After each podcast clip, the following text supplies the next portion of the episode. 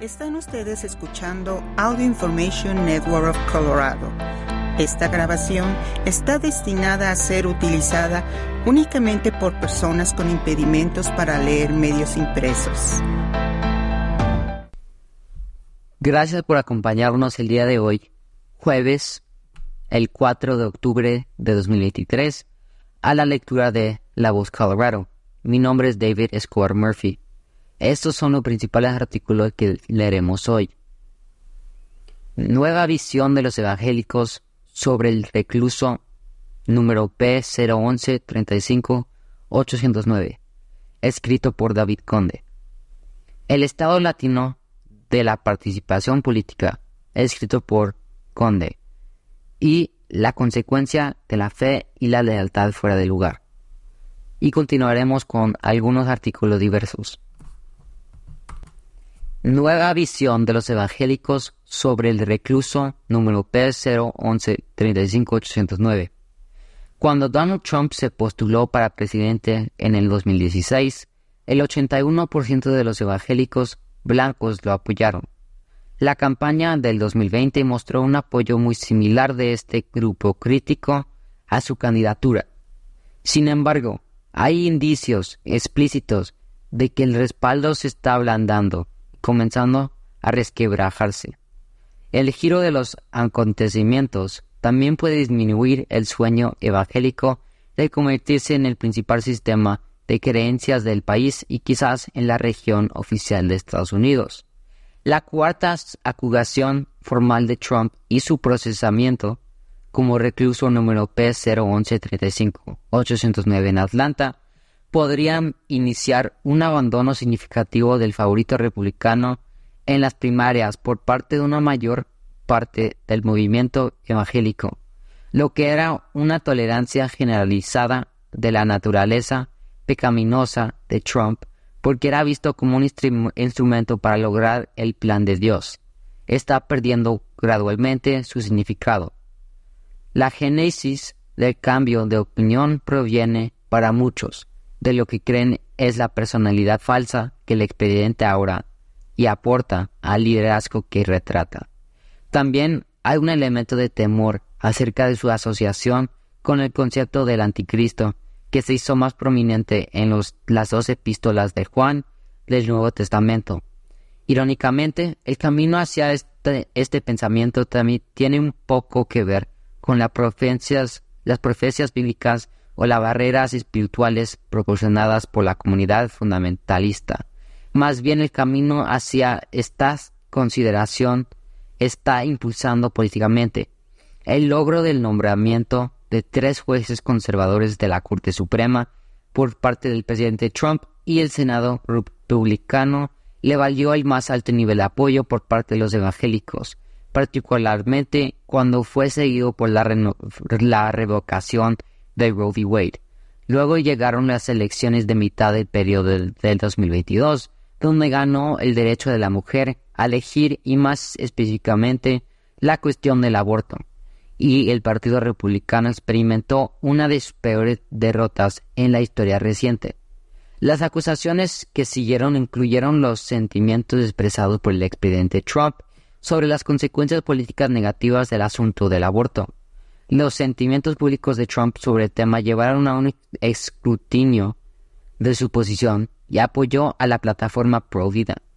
Cualquiera que haya leído la historia del expresidente sabe que fue una demócrata pro elección.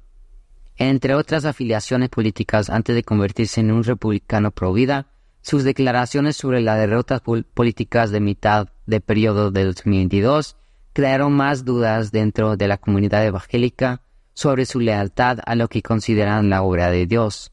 Las cuatro acusaciones contra Trump alientan las nociones de su papel potencial como el anticristo que muchos creen que es un elemento destacado de los últimos días. Esto se debe a que a medida que la amenaza de condena y encarcelamiento se convierte en una, en una probabilidad, el estilo autoritario que exhibe requiere que sus seguidores lleven a cabo actos de lealtad y devoción exagerada hacia su persona. Muchos cristianos evangélicos creen que esta práctica es adoración de ídolos y una mentalidad de culto centrada en la persona. Convenece a algunos de que Cristo está siendo reemplazado por Donald Trump. Durante mi infancia practicando el cristianismo evangélico, me enseñaron que cada individuo de la congregación necesitaba desarrollar una relación personal con Dios.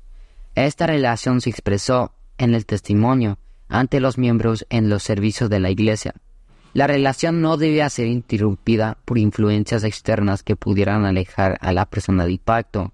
En ese sentido, es irónico que los líderes de la iglesia evangélica estén exponiendo a los creyentes a una guía externa que puede conducir a posibles alternativas a Cristo.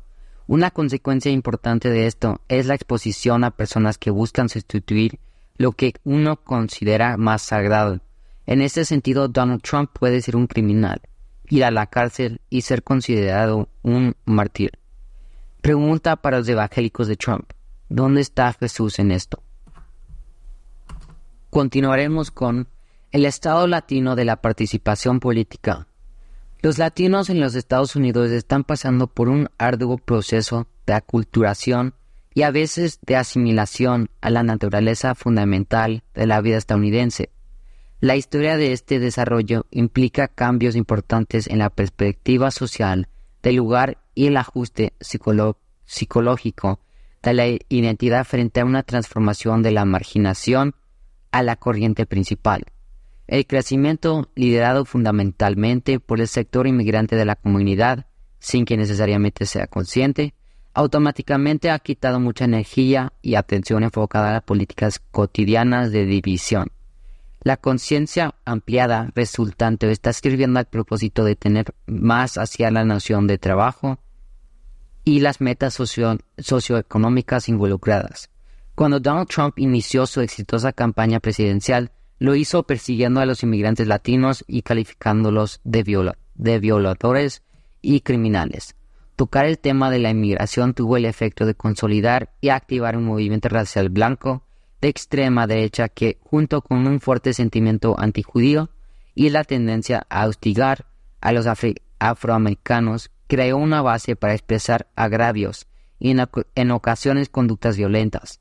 Los agravios y las conductas violentas revelan un medio más profundo a convertirse en minoría perder el control político y parecer menos relevantes.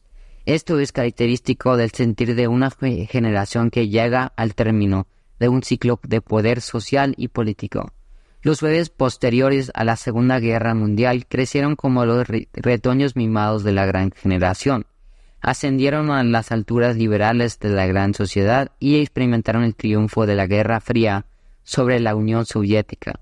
Más tarde se encontraron en una espiral descendente que ha causado divisiones nacionales, ya que se han convertido en conservadores defensores del statu quo contra el ascenso de las comunidades minoritarias, así como en una nueva generación de estadounidenses que se ha convertido en la mayoría demográfica. Las divisiones políticas también han dado lugar a extremistas del MAGA y supremacistas blancos en el Partido Republicano que ahora parecen tener el control del partido.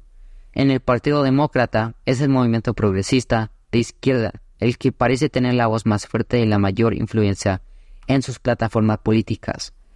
Otro aspecto de esta realidad es el rostro blanco de extrema derecha y el rostro negro de la izquierda progresista. Estas imágenes no solo están en sintonía con las divisiones políticas del país, sino que también las ilustran en un marcado contraste. Una pregunta clave que pide una respuesta es dónde colocamos a la comunidad latina, dado el abismo extremo y contradictorio de nuestra realidad política. La pregunta es más es muy importante porque estamos nuevamente en una temporada electoral y necesitamos encontrar claves para predecir los resultados. A los latinos también se les conoce como la quinta raza, porque incluyen a las otras cuatro.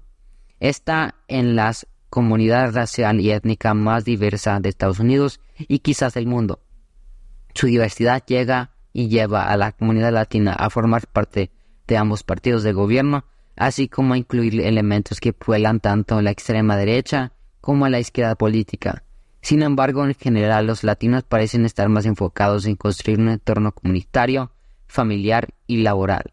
Existe la sensación de que debido a sus valores combinados, la comunidad latina, incluso como miembros de los partidos demócrata y republicano, tiende a estar como los moderados y los independientes en el medio del espectro político. Al mismo tiempo, la juventud latina y los milenios están inquietos, y al igual que sus contrapartes en los otros grupos quieren una voz en los asuntos del país, los latinos son relativamente jóvenes. Este hecho puede cambiar las reglas de enfrentamiento. La consecuencia de la fe y la lealtad fuera de lugar. En las muchas quiebras de las empresas de Donald Trump, los inversores externos perdieron mucho. Pero fueron los trabajadores de todos los días en negocios como los casinos los que perdieron todo, desde salarios hasta pensiones y las acciones en las que se les animó a invertir como expresión de lealtad. La fe y la lealtad fuera de lugar a Donald Trump generalmente ha sido un trato de una sola vía. Se revela como un patrón de, explotación de la gente común en el sector privado y ahora en la política.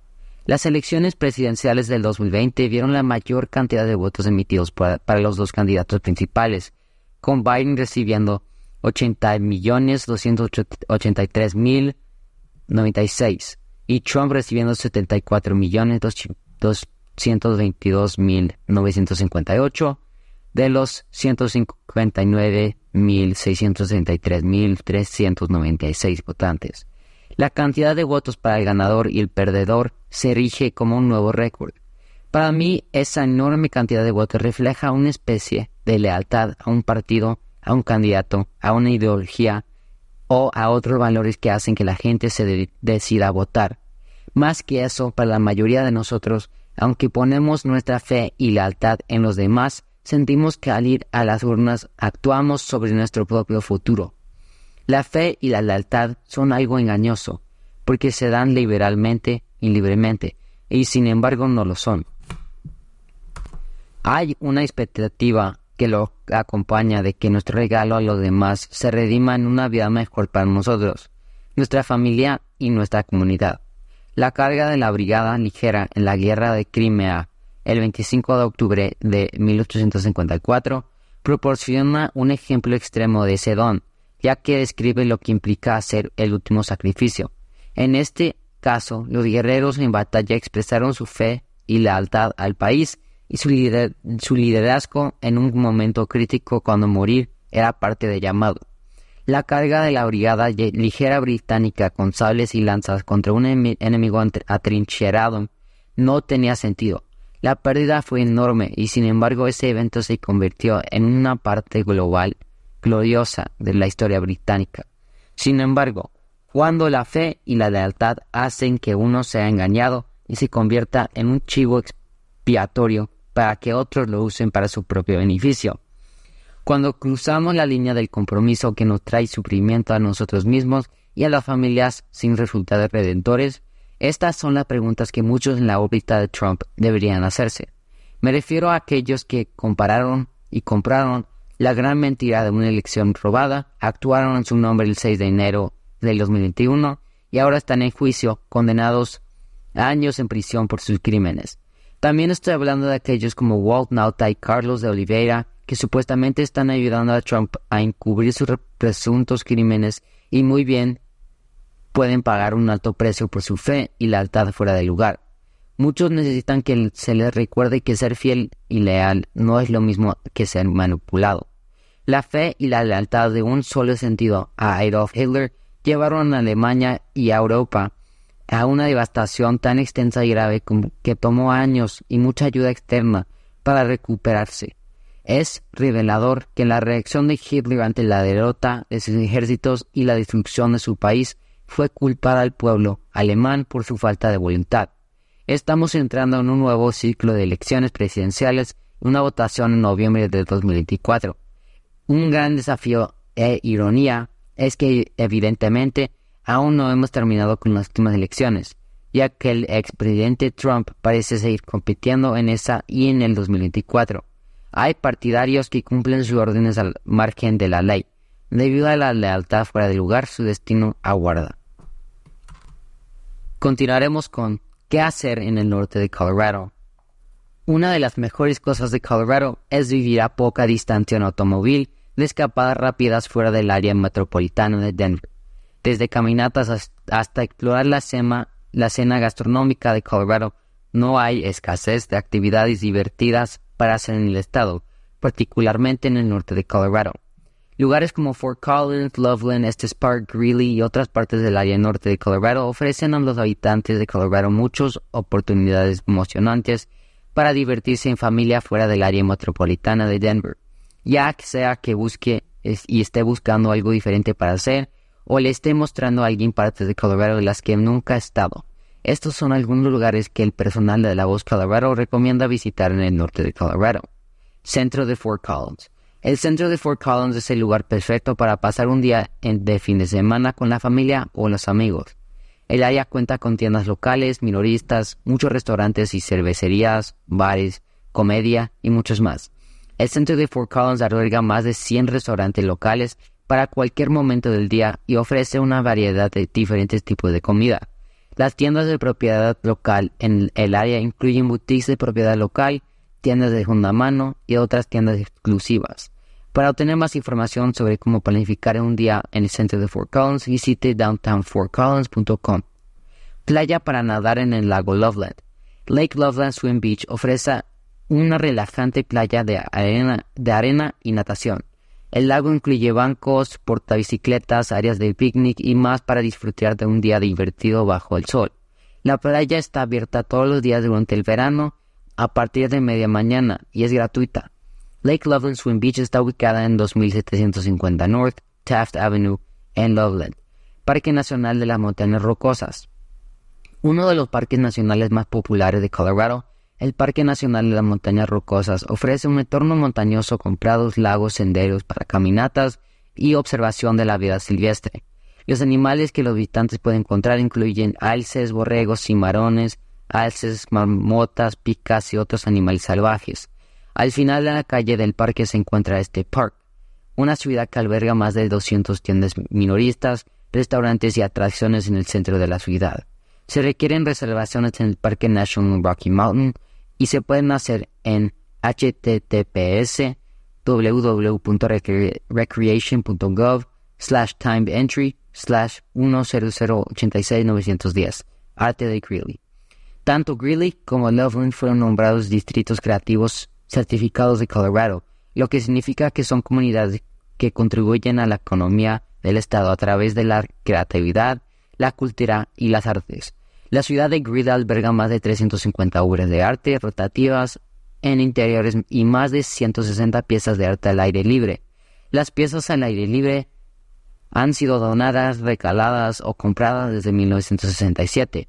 Afortunadamente, el centro de Greeley compiló una mapa para ayudar, a guiar a los visitantes a través de las muchas obras de artes al aire libre de la ciudad.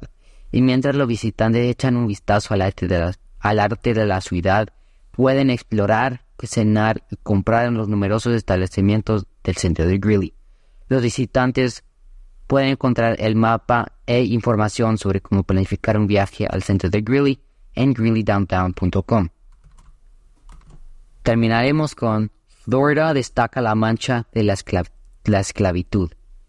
El liderazgo político de Florida ha decidido equilibrar la mancha de la esclavitud con algunos beneficios que ofrece la propiedad de los negros en los libros de historia para los estudiantes del Estado por parte de los blancos del sur. Estas revisiones están diseñadas para reducir la culpa asociada con, esa práctica institucional y normalizar particularmente la separación de la comunidad blanca del sur de su propia historia. Este proceso de reescribir la historia étnica y racial en Estados Unidos apunta a un, a un miedo y a veces a una resistencia violenta a una corriente de circunstancias en desarrollo que está haciendo que el país sea menos blanco. Nuestra nación luchó en una guerra civil 1861 a 1865 y adoptó la enmienda 14 a la Constitución en 1868, en parte para terminar con la esclavitud y revertir la noción de que una persona puede ser dueña de otra. El esfuerzo en Florida para educar a los niños sobre la parte buena de la esclavitud hace retroceder la relación y la visión de los afroamericanos de los blancos.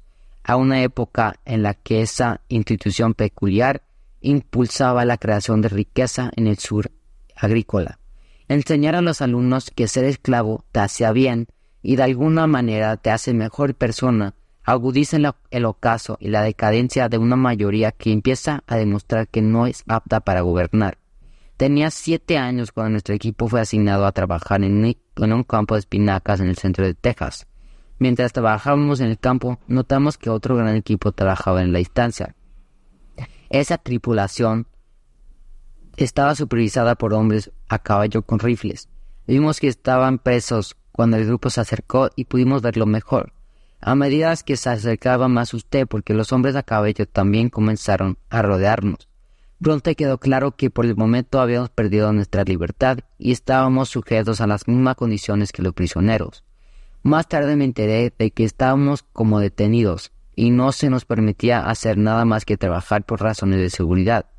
Sin embargo, la sensación de tener a mi familia y a mí sometidos a las decisiones de los demás durante esa larga tarde se ha quedado conmigo e influyó en mi vida. Pero por eso también me, he preguntado cómo se puede vivir toda una vida en esas condiciones. Para mí la esclavitud era algo sobre lo que uno lee en la Biblia o en la historia mundial, pero no lo vive. En el Antiguo Testamento Moses quitó la mancha de la esclavitud de los judíos y los condujo a la libertad en la tierra prometida. La comunidad de esclavos negros en los Estados Unidos no tuvo esa opción, porque sus amos rompieron familias y facilitaron la pérdida de identidad con las diversas regiones de África. Entonces, a pesar de los esfuerzos por encontrar un nuevo hogar para la comunidad afroamericana en lugares como Liberia, siempre fue evidente que los negros estaban en su hogar. Fue América la que tuvo que acomodarse al destino de este pueblo traumatizado. Ahora en Florida, el pacto original que surgió como resultado de la guerra civil estadounidense está comenzando a, erosionarse a medida que se da un paso atrás hacia una visión favorable de la esclavitud en los libros de historia autorizados. Esto parece ser parte de un plan para adoctrinar a los niños sobre el valor de poder ejercido por el opresor sobre los oprimidos. Este tipo de política de poder presenta un intento de controlar a un pueblo revisando su historia, disminuyendo su humanidad y enseñando a la próxima generación a hacer lo mismo. La maldad de Florida muestra nuevamente por qué nuestro país merece líderes que amen a Estados Unidos. Gracias por acompañarnos en esta edición de La Voz Colorado. Mi nombre es David Escobar Murphy. La programación regular de este podcast no está disponible en este momento. Esperamos que disfrute de esta transmisión especial de AINC. 88.5 Boulder, KGNU 1390 Denver. Stay tuned for Pasa la Voz. KGNU FM 88.5 Boulder, KGNU 1390 Denver. thank you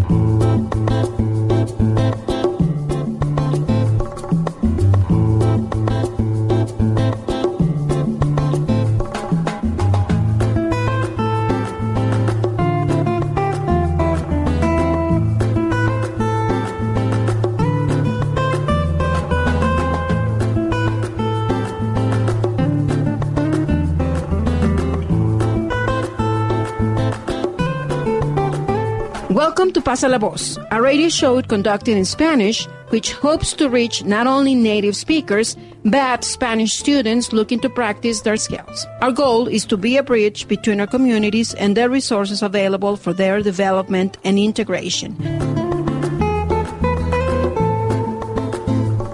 Good afternoon. Here we are Otra tarde hermosa aquí en su radio comunitaria KGNU y el día de hoy les tenemos preparado un show maravilloso.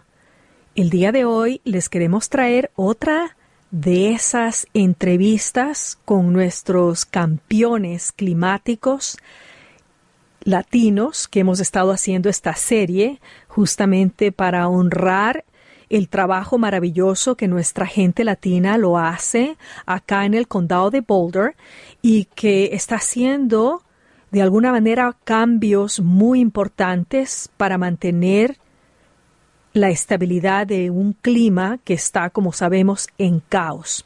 En esta ocasión, les cuento que fui a visitar a Caro Neri en Growing Gardens. Ella es nuestra tercera campeona climática o héroe climática que hemos escogido en donde ella va a resaltar la importancia de los jardines comunitarios y de lo importante que es el cuidar de nuestra tierra madre.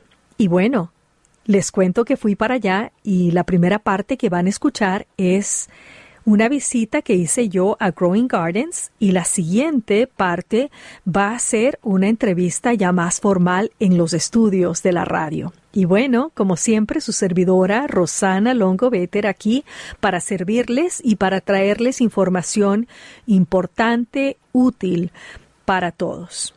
Aquí viene Caro Neri en Growing Gardens, nuestra campeona climática de este mes. Bueno, tenemos frente a nosotros los flat irons el día de hoy. Se ven preciosos, ¿ah? Y ha sido una mañana linda esta hoy. Ya caminé al perro, estamos acá. Hay ruidos de niños. Eh, mi nombre es Carolina Neri. Soy la coordinadora del enlace comunitario Inclusión en Growing Gardens. Soy geógrafa de profesión y después me empecé a dedicar a toda la parte de desastres que tienen que ver con la cuestión hidrometeorológica, o sea, todo lo que tiene que ver con sequías, inundaciones. Y lo que siempre me gustó fue eh, cómo la gente, cómo la comunidad y la sociedad en sí mismo generan esos riesgos, genera su propia vulnerabilidad. Entonces tú tienes un detonador que sería eh, el clima o los eventos extremos. Y ese justamente cuando hacen esa mezcla y si nosotros no estamos preparados o estamos creando circunstancias alrededor de nosotros que son propicias para que cuando un evento extremo pase haya pérdidas de todo tipo. Y eso se ha venido creando desde siempre. Desde siempre y aún más en un lugar precioso, maravilloso como es Boulder, pero que también como sabemos, porque estamos cerca de las montañas, tenemos, digamos, somos más propensos a desastres naturales, a extremo, a clima extremo y a situaciones como las que hemos tenido que enfrentar, como son los um, fuegos forestales, hemos también tenido que experimentar pues grandes inundaciones y todo esto. Por eso realmente tu, tu presencia acá es ideal. Y, me encantaría muchísimo que me hables un poco de esto que dices tú, cómo es que nos estamos preparando, cómo es que este lugar, Growing Gardens, aquí en, Boulder, se está preparando para este futuro que pues no se ve muy prometedor. Bueno, Growing Gardens eh, simplemente con el hecho de ocupar un espacio dentro de la ciudad, ya digamos que está haciendo una labor increíble. Eh, como granja urbana. Este suelo ya no puede ser usado para otra cosa que no sea para agricultura por el resto, eh, digamos, de la historia, ¿no? Eh, ya es un área protegida y eso se debe gracias a la familia Long, que tiene muchos, muchos años aquí, con, son dueños de esta tierra, pero que han tenido una visión muy respetuosa con el medio ambiente, muy conectados a lo natural. Entonces ellos siguen cultivando sus iris y de este lado eh, apoyaron, impulsaron a que se hiciera esta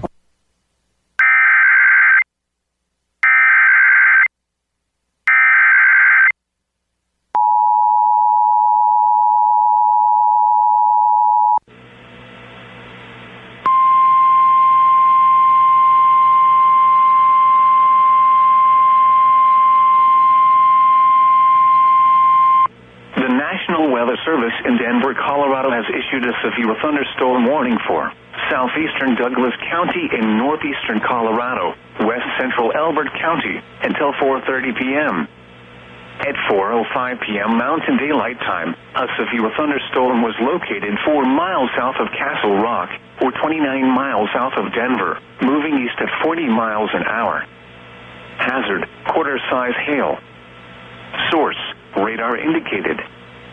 Impact, damage to vehicles is expected. This severe thunderstorm will be near Franktown around 4:10 p.m. Elizabeth around 4:20 p.m. Other locations in the path of this severe thunderstorm include Albert and Kiowa.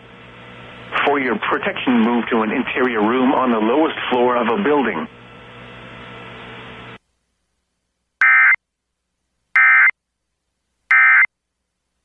Tener un huerto, entonces tenemos un grupo, eh, un, un, programa que se llama Intercambio de Trabajo, que vienen dos horas y se llevan verdura.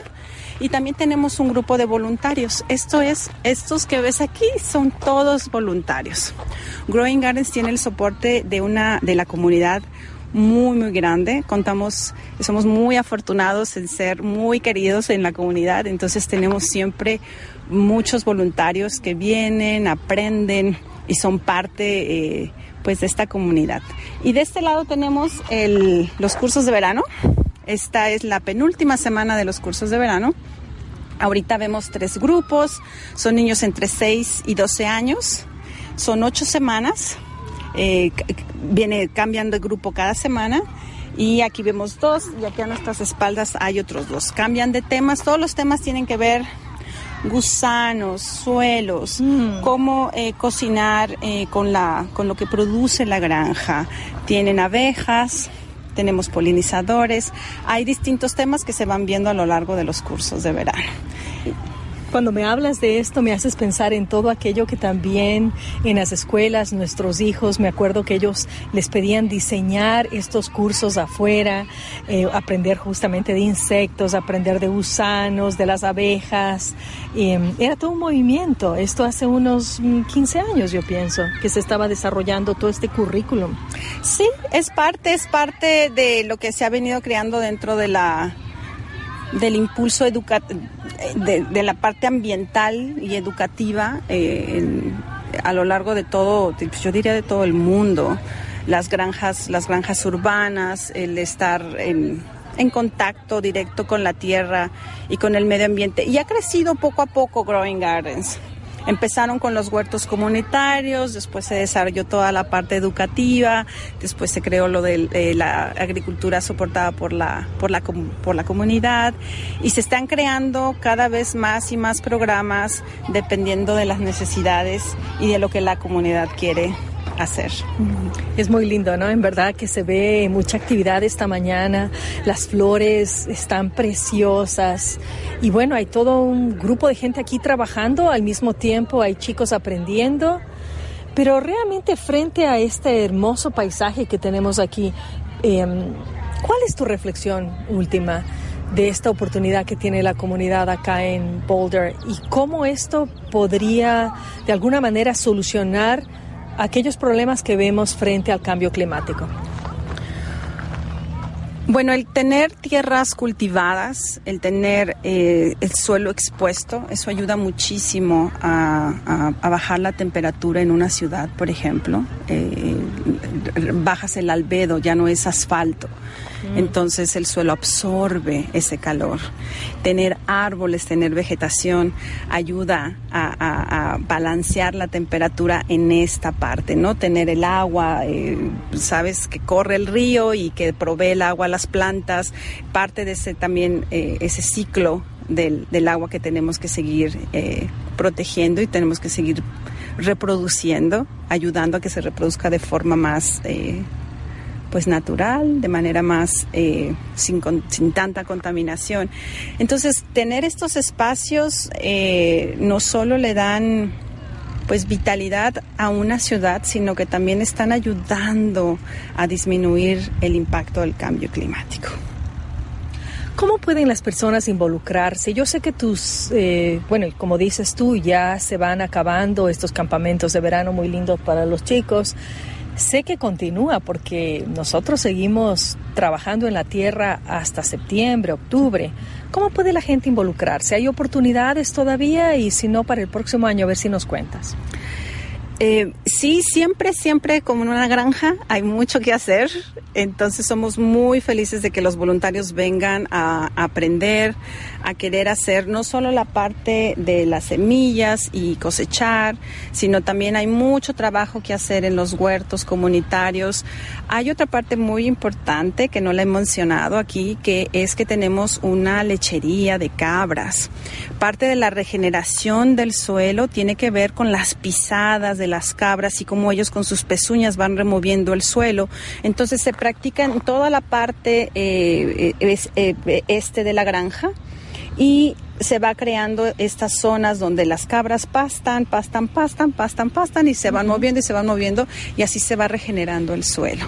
Entonces también, por ejemplo, pueden hacer esa labor con las cabras todo tiene un horario, tratamos porque son, la mayoría son este agricultores, son, son granjeros, se paran bien temprano y como a las 4 de la tarde pues ya que, todo el mundo quiere ir a descansar. Entonces estamos tratando de organizarnos lo más que podamos. En mi caso, yo estoy abriendo estas opciones para la comunidad que trabajan todo el día, tienen dos, tres trabajos, llegan a la casa, están eh, eh, y quieren hacer algo más, pero esto yo estoy hablando cinco seis de la tarde. Entonces estos grupos comunitarios con los que yo trabajo más eh, en particular vienen en las tardes. Entonces todos el si tú quieres hacer algo en la granja y demás, también hay oportunidad para eh, durante las tardes. Y este trabajo que tú estás mencionando, me imagino que lo harás en español para que la gente se sienta en confianza. Sí, eh, pues aquí lo bueno es que tenemos eh, gente que es bilingüe. Entonces, dentro del programa de educación, dentro de la parte también de los que cultivan, hay gente bilingüe y casi todos los programas en las tardes son en español. Mira eso, qué maravilla. Uf, hay tanto que se ha hecho, me pone muy emocionada. Ah, para aquellas personas que quieren empezar a plantar en sus casas, aunque sea en, macetas, ¿Qué, ¿cuál le aconsejarías? O sea, ¿cuál es aquella cosa que se puede plantar dentro de casa y mantenerla durante los inviernos fríos que experimentamos acá? Bueno, el problema de las plantas es que necesitan tierra, agua y algo muy importante que es el sol. Entonces es difícil que se te vaya a dar algo dentro de la casa, más que esas plantas que no necesitan el sol. Entonces, algo ya que sea para que sea comestible es muy difícil que se dé dentro de casa. Por eso es que acá es tan difícil, ¿ah? En nuestros países latinos podemos crecer, pero todo es increíble. Sí, por el clima, por el clima en, el que vivimos, pero eh, eh, para eso también tenemos los invernaderos. Aquí vemos dos invernaderos y lo que hacemos durante toda esa temporada es preparar la temporada de siembra. Mm. Y ese es eh, otra, nos da espacio para diseñar lo que queremos, lo que vamos a querer comer, lo que vamos a querer sembrar. Es todo un arte. Lo, eh, preparar las camas, preparar el suelo, saber qué quieres sembrar, en qué temporada, con qué lo vas a mezclar, con qué no. Entonces, eso es parte de lo que se hace todo el, eh, todo el, el, otoño y gran parte del invierno, además de tener clases, de prepararnos cada vez más y más y más para conocer todos los aspectos que se necesitan, agua, riego, suelo, eh, insectos. Y esta vez pues estamos, por ejemplo, tuvimos una eh, granizada muy fuerte hace un mes. Justamente acababan de sembrar, llevaban como dos semanas con las plántulas y cayó una granizada tremenda que acabó casi con el 60% de la producción de toda la granja. Sin embargo, muchas de las plantas se, se, sanaron y volvieron a, volvieron a crecer, volvieron a reverdecer y mucho, mucho continuó. Muchas otras cosas se perdieron lamentablemente, pero entonces eso nos dejó una gran, un gran aprendizaje que es bueno para el siguiente año probablemente, pues sí, las plantas más sensibles, las que tienen estas hojitas grandes, verdes y que cuando cae el granizo se, se maltratan y se pueden y se pierden, se mueren, pues entonces vamos a tener que cubrirlas empezamos a hacer pequeños túneles para, para cubrir las plantas. Muchos, mucha gente de los huertos ya lo tiene. Entonces es algo en lo que vamos a empezar ahora para el próximo año a estar preparados para, por ejemplo, para más, más granizada, ¿no? Eso es como innovación, me, parece maravilloso y también adaptación a los cambios climáticos, a las digamos, a estas, eh, digamos, al caos del clima, porque ahora tenemos granizadas intensas, lluvia intensa, al mismo tiempo calurones que nos que no puedes estar afuera. Hay personas que han perdido incluso la vida estando afuera haciendo su trabajo, su labor. Me encanta siempre hacer esta última reflexión contigo al respecto de nuestra comunidad en especial. ¿Por qué? Porque nuestra comunidad, pues como tú sabes, es la que más está expuesta. Nosotros somos los que más, eh, se dice que el 90% de la gente que está cultivando es latina. ¿Qué le aconsejarías a aquella persona que está afuera justamente em, trabajando la tierra? ¿Cómo protegerse? ¿Cuáles son aquellos em, síntomas que tienen que estar pero pendientes? Bueno, em, si eres un trabajador de la tierra, tienes que estar bien cubierto siempre con telas eh, muy delgadas, blancas, tu sombrero, tratar de usar siempre un protector solar y siempre, siempre estar eh, hidratado. Es, es, lo que más se recomienda. Em, es un deseo que todas eh, todas las áreas donde se cultiva tengan todos los servicios que se necesitan para que estas personas estén bien, eh, pero que no olviden que su labor es maravillosa. Están eh, perpetuando la tradición, eh, una tradición que tenemos ancestral. Entonces están también demostrando su fortaleza y su resiliencia. Son inmigrantes en un país diferente. Sin embargo, están haciendo una de las labores sociales que impulsan más a la comunidad y a esta economía, porque sin ellos no comeríamos, sencillamente. Muchísimas gracias, Caro Neri. Aquí estamos frente a un precioso jardín lleno de flores y lleno de verduras y con muchos niños aprendiendo cómo trabajar la tierra y voluntarios. Muchas gracias de nuevo por esta oportunidad. Gracias a ti por invitarme y por venir a visitarnos. Vengan todos a visitarnos a Growing Gardens. Y si no, por favor, contáctenme y con mucho gusto yo los apoyo en lo que necesiten para tenerlos aquí. ¿Cuál es tu correo? Es caro Perfecto, muchísimas gracias. Para KGNU, yo soy Rosana Longo Better. Poco, que luego vuelvo a correr Dime por qué, mamá. Siempre tú sabes querer. Dime otra vez todo lo que pasó, cómo fue, si alguna vez pudiera comprender ese modo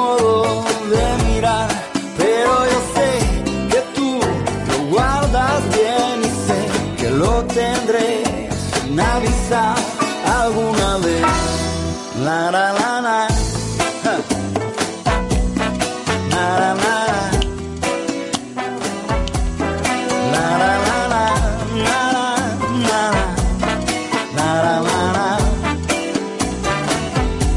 Ahora sé, mamá,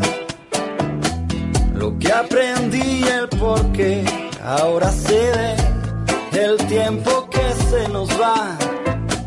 Y afuera siempre hay algo que hacer, tú sabes bien, sí. Mamá. Tú sabes bien, mamá, qué belleza. Miren esa canción de Raúl Paz que les traemos aquí en esta tarde hermosa, hermosa de verano, aquí en sus estudios de KGNU, su radio comunitaria. Y bueno, entonces ahora les traigo de nuevo a nuestra campeona climática, Caro Neri, que vino a los estudios para conversar más profundamente de las cosas que se hacen para mantener lo que le llamamos acceso, lo que llamamos justicia alimentaria.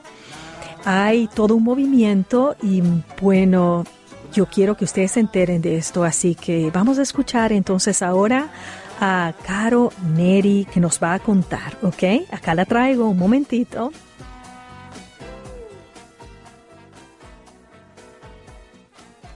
Buenas tardes, estamos aquí en su radio comunitaria y como siempre es una hermosa tarde de verano. hoy eh, estamos aquí. Es el primer domingo de agosto y es un placer como siempre venir a la radio a um, traerles historias de nuestra gente maravillosa. El día de hoy tenemos a una invitada especial. Ella se llama Carolina o Caro Neri. Es conocida en la comunidad porque ella ha venido moviendo mucho aquello que lo llamamos justicia alimentaria. Tuve yo la oportunidad de entrevistar a Caro cuando estaban luchando las personas en Longmont por dar acceso a la comida más sana para sus hijos. Y bueno, así fue como fue la primera vez que te tuve acá en los estudios de la radio, pero el día de hoy, domingo, estamos en Pasa la Voz y te hemos invitado porque te hemos escogido como una de las campeonas o héroes climáticas del condado de Boulder que es una serie que hemos empezado justamente con la intención de resaltar los esfuerzos de nuestra gente latina, de nuestra gente hispana, para unir lo que es la ciencia, el cambio climático, con los esfuerzos que se hacen también a nivel digamos, del condado y de la ciudad para traer conciencia, hacer, un, hacer una pausa, digamos, o hacer conciencia de la importancia de cuidar nuestro medio ambiente. Y entonces es un placer tenerte y gracias por aceptar la invitación y felicitaciones por ser nombrada campeona climática. Muchas gracias. Muchas gracias por tenerme aquí otra vez. Es un gusto enorme eh, estar en la radio, siempre abierta a este espacio y a comunicar eh, en todo momento lo que estamos haciendo alrededor de, la justicia alimentaria. Y justicia climática. Que va de la mano. Y que también va de la mano algo que también es triste decirlo, pero hay que nombrarlo, que es em, el racismo climático. Aquello que hace que nuestra gente lamentablemente sea la que más sufre cuando hablamos del clima y del cambio climático, porque están expuestos eh, los trabajos normalmente que hacen los latinos aquí en los Estados Unidos en general, pues son trabajos de hacer cosas con las manos mayormente. Como comentábamos justamente antes de traerte a esta conversación el día de hoy, es que el cálculo eh, es clarísimo. El 90% de nuestra gente latina, mejor dicho, para decirlo correctamente, la, la comida que consumimos es procesada, es traída a nuestra mesa mayormente por gente latina que trabaja la tierra acá en los Estados Unidos. Y entonces es importante que eso lo tengamos en cuenta. Justamente para esta conversación que vamos a tener informalita, como me gusta a mí. Ah. Y a eso hay que agregar que más del 30% de nuestra población también sufre de inseguridad alimentaria. Sí, es una eh, es una aberración eh, que seamos los que trabajamos la tierra y a la vez eh, los que tenemos más limitaciones, más barreras para el acceso a una alimentación saludable. Y por eso hay muchos esfuerzos, estamos trabajando y impulsando desde muchas muchas partes de distintas formas para eh, poder eh, justamente ir identificando las barreras, sí, muchas ya se conocen, pero también ir haciendo frente y a la larga tratar de cambiar el sistema alimentario, que tenga un enfoque nuevo, que ya no se hable de inseguridad alimentaria, sino que se hable de soberanía alimentaria, donde la gente tiene el acceso a la comida y no solo a eso, sino también a la tierra, a la siembra, a sus semillas, a sus tradiciones y que ellos pues sean independientes eh, para servir los alimentos en sus casas. Es súper importante lo que estás comentando porque yo te voy a decir que cuando vine acá hace más de 20 años, recuerdo haber estado eh, arrendando una casita y en esa casita yo tenía la oportunidad de plantar. Y recuerdo haber plantado flores, rosas y cuando viene el invierno todo se muere, pero recuerdo que en ese momento, cuando mis hijos eran pequeños, hubo todo este movimiento alrededor de Growing Gardens y del terreno en donde ahora crece esta abundante comida y que está parcelado para diferentes familias, para diferentes grupos. Recuerdo eso tan claro porque yo recuerdo que mi amiga me dijo, pero ¿por qué no plantas también en eh, comida? Y yo decía, pero es que yo solamente arriendo esta casa, no es mi tierra y me da pena porque luego uno deja pues las plantitas ahí y no las puede seguir cuidando. Recuerdo eso ahora que me dices y creo que es importante en nuestra conversación el día de hoy de hablar cómo es que se crea este Growing Gardens, cómo se empieza a crear un espacio en donde es verdad, es un terreno grande, pero cada parcela, cada sitio tiene como quien dice el nombre de alguien, un grupo, una familia, que aunque no tenga la tierra para plantar, pues aquí tiene la oportunidad para plantar. A ver si nos cuentas un poquito de eso, para que la gente que nos esté escuchando sepa lo que realmente es Growing Gardens. Claro, bueno, Growing Gardens tiene eh, una visión de una familia maravillosa por detrás. Ellos llegaron a estas tierras eh, más o menos en, a finales de los eh, 1890 y tantos y entonces se ubicaron con su florería en la calle de Pearl. Todavía ahora en donde viven, eh, viven ellos en, eh, en, la parte de la granja que es la florería, tienen un semillero, es, un lugar hermoso lleno de toneladas de semillas y tienen todavía el stand donde ellos atendían en aquellos momentos en Pearl. Bueno, esta familia, que es la familia Long, eh, compró esta tierra para seguir sembrando las flores y poderlas vender, eh, venderlas después en Pearl, en la Florida de Pearl. Y ellos tenían esta visión de conservar la tierra y de convivir con la tierra. Eh, reconocían también, nos comentaba eh, alguna vez Catherine, se llama la dueña, que su padre los llevaba hasta donde estaban algunas de las tribus que quedaban, de las tribus indígenas que quedaban, y él les decía y les contaba la historia de ellos, de cómo es esa ese reconocimiento a la tierra y la forma en que se conectaban con todo lo que estaba alrededor de ellos. Y bueno, ella creció, creció eh, eh, eh, con, este, con esta historia, con esta familia, con, con padres que también tenían esta visión.